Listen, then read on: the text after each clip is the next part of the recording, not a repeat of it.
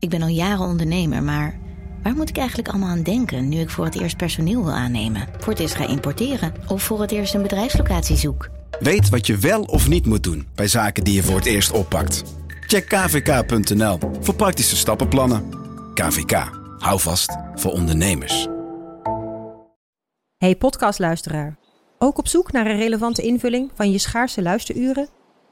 Tune dan in op de podcastserie ESG, even samengevat van BNP Paribas. Wij, Marloes en Aldert, spreken daar duurzame voorlopers en wereldverbeteraars. Waarover dan? Nou, bijvoorbeeld of we ooit duurzaam kunnen gaan vliegen. En waarom koeien in de stad nou een goed idee is? Dat en meer elke twee weken in een nieuwe aflevering. Dus abonneer je. ESG, even samengevat.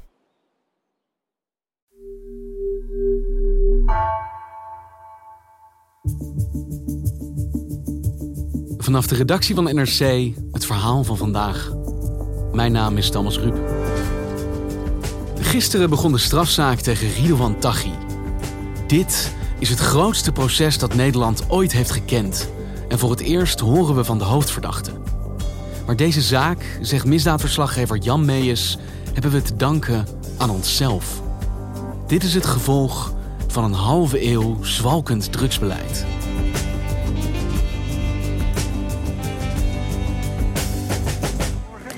Ik je vragen? Hoe kom ik achter het hek?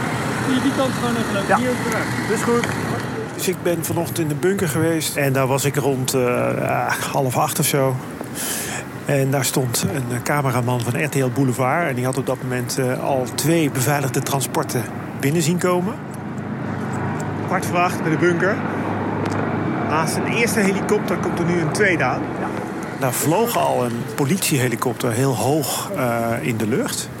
En toen hoorden we vanuit de verte eh, nog meer gebrom. En toen zei die cameraman, die dit heel vaak doet... die zei van, ah nee, er gaat nu iets gebeuren. En verdomd, een minuut later komt dus een helikopter van de marechaussee aanvliegen. En die maakt zeg maar in en rond een soort van eh, een loop. En die komt dan recht boven die bunker uit. Het is een grote lege bak. De vraag is, gaat die hier iemand afleveren? En vervolgens komt er dan een transportje met eh, drie gepantserde Range Rovers. Die komt aan. Een kolonne met drie auto's. Allemaal Range Rovers. De eerste rijdt door, de tweede gaat naar binnen. En de derde sluit de boel af. Yay! Klapje boven. Ja, dit heb ik nog nooit meegemaakt op deze manier. En daarna eh, ben ik eh, naar het perscentrum op Schiphol gereden... waar dus de rest van de pers wordt ontvangen. En toen hoorden wij eh Tachi, ik geloof zeven woorden, zeggen. Meneer Taghi, ik kom bij u. De rechtbank heeft gelezen eh, wat u verklaard heeft bij de politie. Althans, de verhoren daarvan. U heeft zich voornamelijk op uw zwijgrecht beroepen bij de politie. Wilt u vandaag iets zeggen op die verdenkingen? Vooralsnog heb ik nog niks te melden. Hij klonk heel gereserveerd, heel rustig. Een nou, iets hogere stem dan ik had verwacht. Maar verder niks bijzonders. En wat dat betreft kon je weinig aan hem zien of horen. Hey Thomas, dit was het eh, voor nu live. En eh, wij spreken elkaar straks nog in de studio bij NRC. Ja, Jan, en daar zijn we dan in onze vertrouwde NRC-studio. Hey, dit proces is dus begonnen en jij was daarbij. Maar ik ben een klein beetje in de war, geloof ik. Want ik dacht dat dit al lang liep, dat Marengo. Ja, die verwarring kan ik me heel goed voorstellen. We zijn namelijk eigenlijk al drie jaar bezig. En dat komt omdat je, als je in voorlopige hechtenis zit voor iets waarvoor je nog niet veroordeeld bent, dan schrijft de Nederlandse wet voor dat je om de drie maanden moet worden getoetst of die hechtenis moet worden verlengd. Dus dat betekent dat je eigenlijk in zo'n grote zaak krijg je dus om de drie maanden eh, een zitting. Nou, in 2018 begonnen met een kroongetuige. Eh, die heet Nabil B. Maar toen was Taghi was er nog niet. Want die was gewoon nog niet aangehouden. En dat heeft eigenlijk tot eind 2019, dus dat is zeg maar nu ruim een jaar geleden geduurd, voordat hij er was. Vandaar dat mensen nu kunnen denken, ja maar eh, hallo, we zijn al drie jaar bezig, hoezo begint het nu?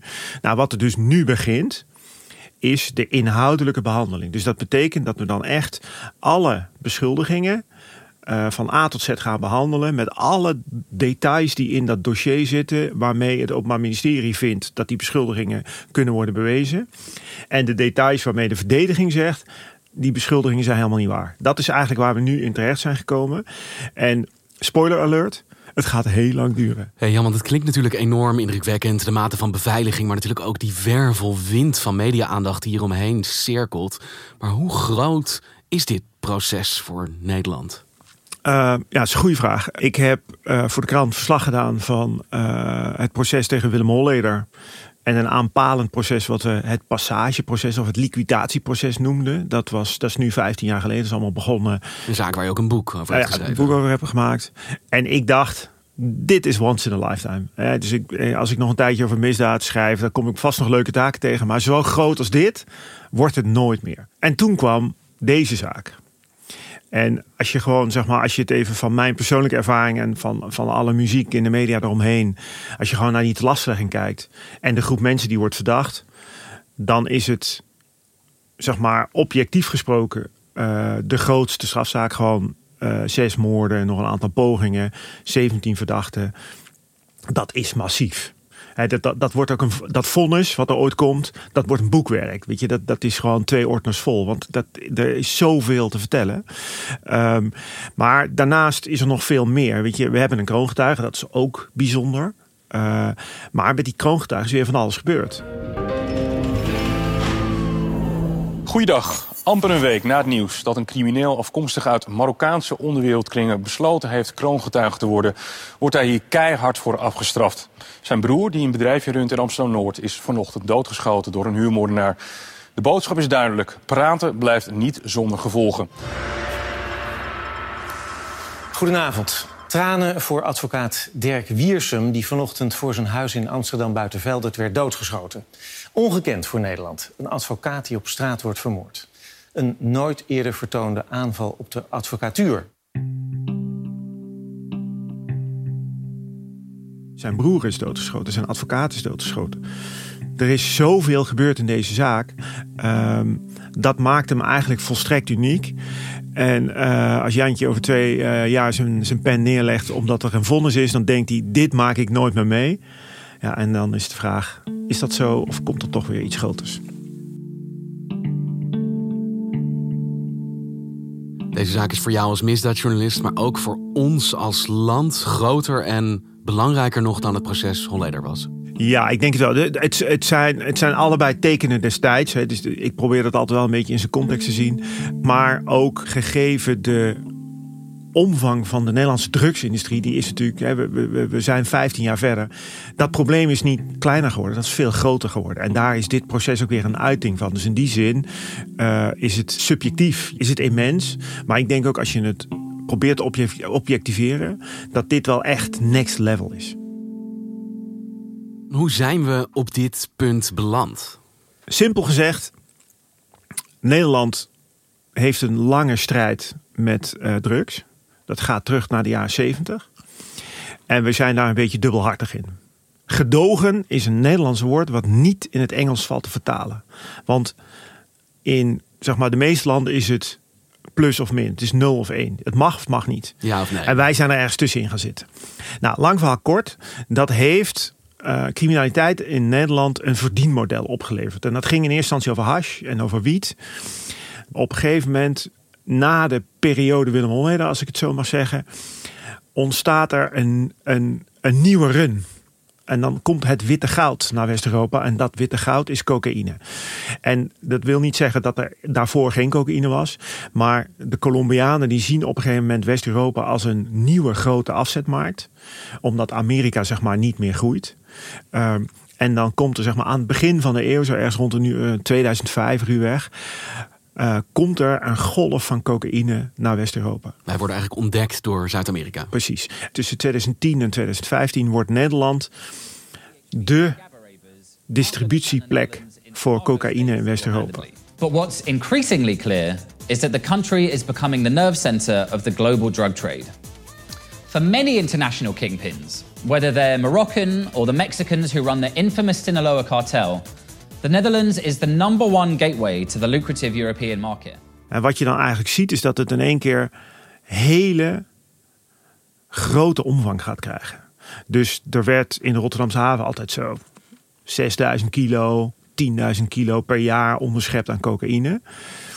En wat we nu zien, is dat er partijen van 4 tot 6000 kilo met grote regelmaat worden onderschept. Corona of niet, er komen nog steeds grote hoeveelheden drugs naar Nederland. In 2020 is er in totaal 115.000 kilo cocaïne met bestemming Nederland onderschept. Dus die omvang die is uh, heel erg snel toegenomen. En dat betekent dat er veel meer geld mee wordt verdiend. 115.000 kilo, wat is daarvan de straatwaarde? Uh, de straatwaarde is zo'n 4 miljard. 4 miljard. En dat leidt tot grote financiële belangen. En die grote financiële belangen leiden weer tot ruzie en geweld. Dat ruzie, geweld, de achterdocht die daaruit voortkomt, dat leidt dan tot liquidaties. En dan zijn we zeg maar weer terug bij Marengo. Waar het dus gaat om zes vermoorde mensen. Uh, wiens, wiens dood samenhangt met de cocaïne-industrie. Dus eigenlijk een totale escalatie van omvang, geld en daarmee gepaard geweld. Maar op basis van een model, namelijk het gedoogbeleid dat Nederland eigenlijk zelf gecreëerd heeft. En daardoor zitten we dus nu met een gigantisch probleem. Wat is de manier waarop justitie probeert dat toch nog aan te pakken? Kijk, wat op een gegeven moment gebeurd is, is de Nederlandse recherche wordt geconfronteerd met, met een oplopend aantal liquidaties in het criminele milieu. En wat er dan eigenlijk ontstaat, is het volgende probleem. We hebben een, een, een lijk op straat. En dan gaan we ontzettend veel capaciteit stoppen in proberen te achterhalen wie dat heeft gedaan. Terwijl je eigenlijk natuurlijk wilt dat je die capaciteit gebruikt om te voorkomen dat die moord überhaupt gepleegd wordt. Maar ja, dat betekent dus dat je van de achterkant van het proces aan de voorkant van het proces terecht moet komen. Dus je moet weten wie van plan is om mensen te gaan doodschieten. Toen is de volgende analyse gemaakt, de volgende vraag gesteld. Wat heb je nodig voor het plegen van een liquidatie? Nou, je hebt een wapen nodig. Je hebt bijvoorbeeld vluchtauto's nodig. Je hebt uh, parkeergarages of loodsen nodig waar je al die spullen opslaat. En je hebt communicatie nodig. Je moet zeg maar de troepen aansturen. Nou, dan hebben we een nieuwe techniek en die heet cryptocommunicatie. Ja, de inmiddels beroemde PGP-telefoons. Uh, dat PGP staat voor Pretty Good Privacy. En volgens mij heb je het grapje al vaker gemaakt. Het is, wordt dan op dat moment een pretty great problem. Want knappe koppen van het Nederlands Forensisch Instituut, die kraken ze. Goedenavond. Volgens de politie is het een aardschok voor de georganiseerde misdaad. Bij een grote afluisteroperatie konden zij meekijken met meer dan 20 miljoen geheime chatberichten van criminelen. Deze berichten zijn echt een ware goudmijn voor alle opsporingsdiensten in Nederland. Het levert zoveel bewijs op, daar hadden we anders echt jarenlang onderzoek voor moeten verrichten. Dus dan hebben ze eigenlijk zeg maar, de drie essentiële elementen in beeld: vervoer, wapens, communicatie. En hoe is Ridouan Taghi nou uiteindelijk in het net van justitie gelopen? In de zomer van 2015 wordt er in Nieuwegein een enorme wapenfonds gedaan. Op die dag worden er op heel veel andere plekken in Utrecht en omgeving en Nieuwegein en omgeving worden er invallen gedaan. En uh, een van die invallen vindt plaats op het uiterlijk adres van Ridouan Taghi. Bij zijn ouders? Nou ja, dat gebeurt en daar worden allemaal spullen in beslag genomen. Uh, dat leidt overigens eigenlijk allemaal nergens toe. Dus die hele familie die blijft buiten beeld. Die hebben er voor zover uh, bekend uh, hier niks mee te maken. maar ik vertelde net ook, op een gegeven moment vinden ze dan die PGP-communicatie. En daar gaan ze dan in zoeken van kunnen wij nou berichten vinden waarvan we zeker weten dat dit om Tachi gaat. En wat ze dan vinden op enig moment is het volgende bericht. En dat is dus verstuurd op de dag dat die invallen plaatsvinden. Op 15 juli 2015. En dan typt er dus iemand: al mijn moeders sieraden en zusjes spullen meegenomen. En oude telefoon en mijn moeders telefoon, sir. Dit refereert dus aan precies wat er zeg maar, aan spullen is meegenomen in dat ouderlijk huis. En dan concludeert de politie eigenlijk: dit kan niemand anders zijn dan Ridwan Taghi. Een anoniem nummer dat zegt, er is bij mijn moeder binnengevallen op de dag dat de politie weet. Wij zijn bij Taghi's moeder binnengevallen. Ja, en disclaimer. Taghi zegt, dat is niet zo. En zijn advocaat zegt ook nog, die hele onderzoektechniek naar die PGP-berichten. Dat is om te beginnen is dat eigenlijk allemaal onrechtmatig. Maar dit zal dus zeg maar in de kern het debat zijn in de rechtszaal over zijn dit inderdaad de berichten van Tachi? Maar zo komt hij op dat moment in beeld.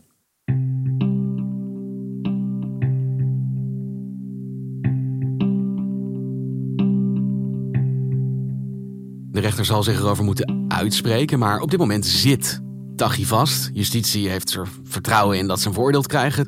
Als hij van het bord geslagen wordt, is daarmee ook dit probleem van de drugshandel en die criminaliteit een stukje behapbaarder geworden. Kijk, Taghi is vermoedelijk jarenlang betrokken geweest bij cocaïnesmokkel. Hij is daar nooit voor veroordeeld, maar er zijn echt serieuze aanwijzingen dat dat zo is.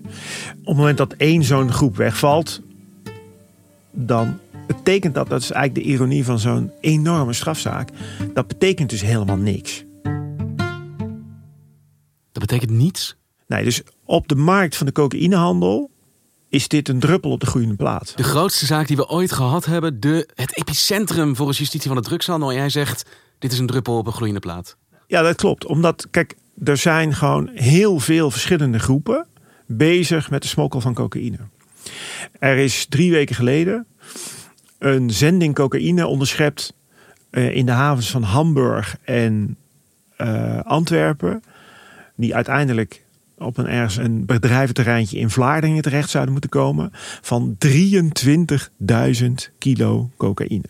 Dat is op straat tussen een miljard en anderhalf miljard euro waard. Dat, is, dat was dus één zending. Dus zeg maar, de impact op de samenleving van een strafzaak als tegen Taghi is serieus. Maar als het gaat om die cocaïnesmokkel, dat is zo massief, dat is zo groot, dat één speler van het schaakbord betekent niks voor die handel. Dat gaat gewoon door. En dat is ook een beetje de tragiek van de politie. Het is dus eigenlijk de facto dweilen met de kraan open. Uh, want je weet gewoon op het moment dat wij een hoofdrolspeler uit die wereld uh, aanhouden, vervolgen en veroordeeld krijgen, dan staan er twee nieuwe op die binnen een paar jaar net zo groot zijn. Ik sprak daarover met Andy Kraag, dat is de baas van zeg maar, de, de landelijke recherche. En die zegt van als de vraag naar cocaïne blijft zoals die is, dan kunnen we ze allemaal aanhouden, maar dan, dan, dan komen er gewoon weer nieuwe. Dus het verandert niks. Dus de kern van het probleem is niet het aanbod. De kern van het probleem is de vraag. De kern van het probleem is niet Ridwan Taghi. De kern van het probleem zijn wij. Hoe wij over drugs denken. Hoe wij met drugs omgaan. Als burgers. Als burgers. We gaan halfhartig om met drugs. Uh, dus als je kijkt hoe daarover gesproken wordt, dan zie je dus de verkopers, de, de dealers. Die worden dan vaak een beetje badinerend met bomkraagjes aangeduid. Of met uh, de, de pizzacouriers. Dat zijn de slechterikken in deze narratief. Zij worden gezien als het kwaad. Maar als Najib Amali, een komiek waar ik altijd ongelooflijk over moet lachen, als die op een gegeven moment bekent dat hij tien jaar lang verslaafd is geweest aan de cocaïne, dan zegt iedereen van god wat erg voor je. En ik ben, ik ben de laatste die zegt van Najib, je bent, je bent slecht of zo. Het is wat het is. En uh, er zijn velen die cocaïne gebruiken. Dus ik ga dat niet beoordelen of veroordelen. Maar dat is wel de kern. Dus zolang wij zeg maar dat als illegaal beschouwen. En er toch mensen zijn die het blijven gebruiken. Dan zullen er dus ook altijd mensen zijn die het blijven verkopen. Dan kan je tegen die mensen zeggen: jij bent slecht. Maar waarom zijn zij nou slecht en kijken wij op een hele andere manier naar de gebruikers? Wat zegt dat nou eigenlijk over ons? Wat zegt dat over hoe wij daarnaar kijken, hoe we erin staan, hoe we ermee omgaan? En wat zegt dat over de politiek waarmee wij uh, dit menen te moeten bestrijden? Nou, dit zijn grote vragen. Er zijn waar geen makkelijke oplossingen voor zijn, maar dat is wel de kern. En mijn stelling is dus: zolang wij niet met z'n allen daar een gulden middenweg weten te vinden die we ook echt, waar we het ook echt met z'n allen over eens kunnen zijn, dan, dan verandert dit probleem niet. En dan komt er op enig moment weer een, een nieuwe speler die zeg maar het gezicht van zijn tijd wordt. En dat is misschien hier ook de deprimerende conclusie dat stel nou dat Taghi schuldig bevonden wordt, dan wordt er een moordenaar veroordeeld, maar is eigenlijk de strijd tegen drugscriminaliteit nauwelijks echt verder gekomen. Ja, klopt. Ik zou luisteraars de volgende uitdaging voor willen leggen. Stel nou dat we over twee jaar dat de rechtbank tot de conclusie komt: Taghi is schuldig. Zie het niet als een geïsoleerde strafzaak waarbij ernstige feiten worden uh, behandeld en door een rechter beoordeeld. Maar zie het als een onderdeel van een groter probleem. En ik denk als we als samenleving in staat zijn om dat te doen, dan ontstaat er het begin van een betekenisvolle discussie die kan leiden tot iets uh, van, een, van een oplossing, van een kentering. Maar zolang we zeg maar, dit soort strafzaken geïsoleerd zien als ja, er zijn mensen die hebben moorden laten plegen en die moeten we veroordelen, tot je dienst. Als dat zo is, dan moet dat. Maar als je het losziet van het onderliggende probleem van drugshandel, drugsconsumptie, dan komen we geen stap verder. Dus dan hebben we Holleder gehad, dan hebben we Tachi gehad... en dan hebben we het over tien jaar weer over een ander. Zit hier iemand anders op deze stoel... en die praat dan met een andere presentator over precies hetzelfde probleem. Dus die stap moet worden gezet. We hebben het nu over een serieus maatschappelijk probleem. En daarvoor zullen we uiteindelijk met z'n allen wel een, uh, een oplossing moeten vinden. Dankjewel Jan. Graag gedaan. Je luisterde naar vandaag, een podcast van NRC. Eén verhaal, elke dag. Deze aflevering werd gemaakt door Anna Kortering, Elze van Driel en JP Geersing. Ben je ook benieuwd hoe Ridouan Taghi zo groot heeft kunnen worden? Samen met Elze van Driel en Gabriella Ader probeert misdaadverslaggever Jan Meijers die vraag te beantwoorden in onze podcastserie Cocaïnekoorts. Je vindt Cocaïnekoorts vanaf vandaag in alle grote podcast-apps. Dit was vandaag. Morgen weer.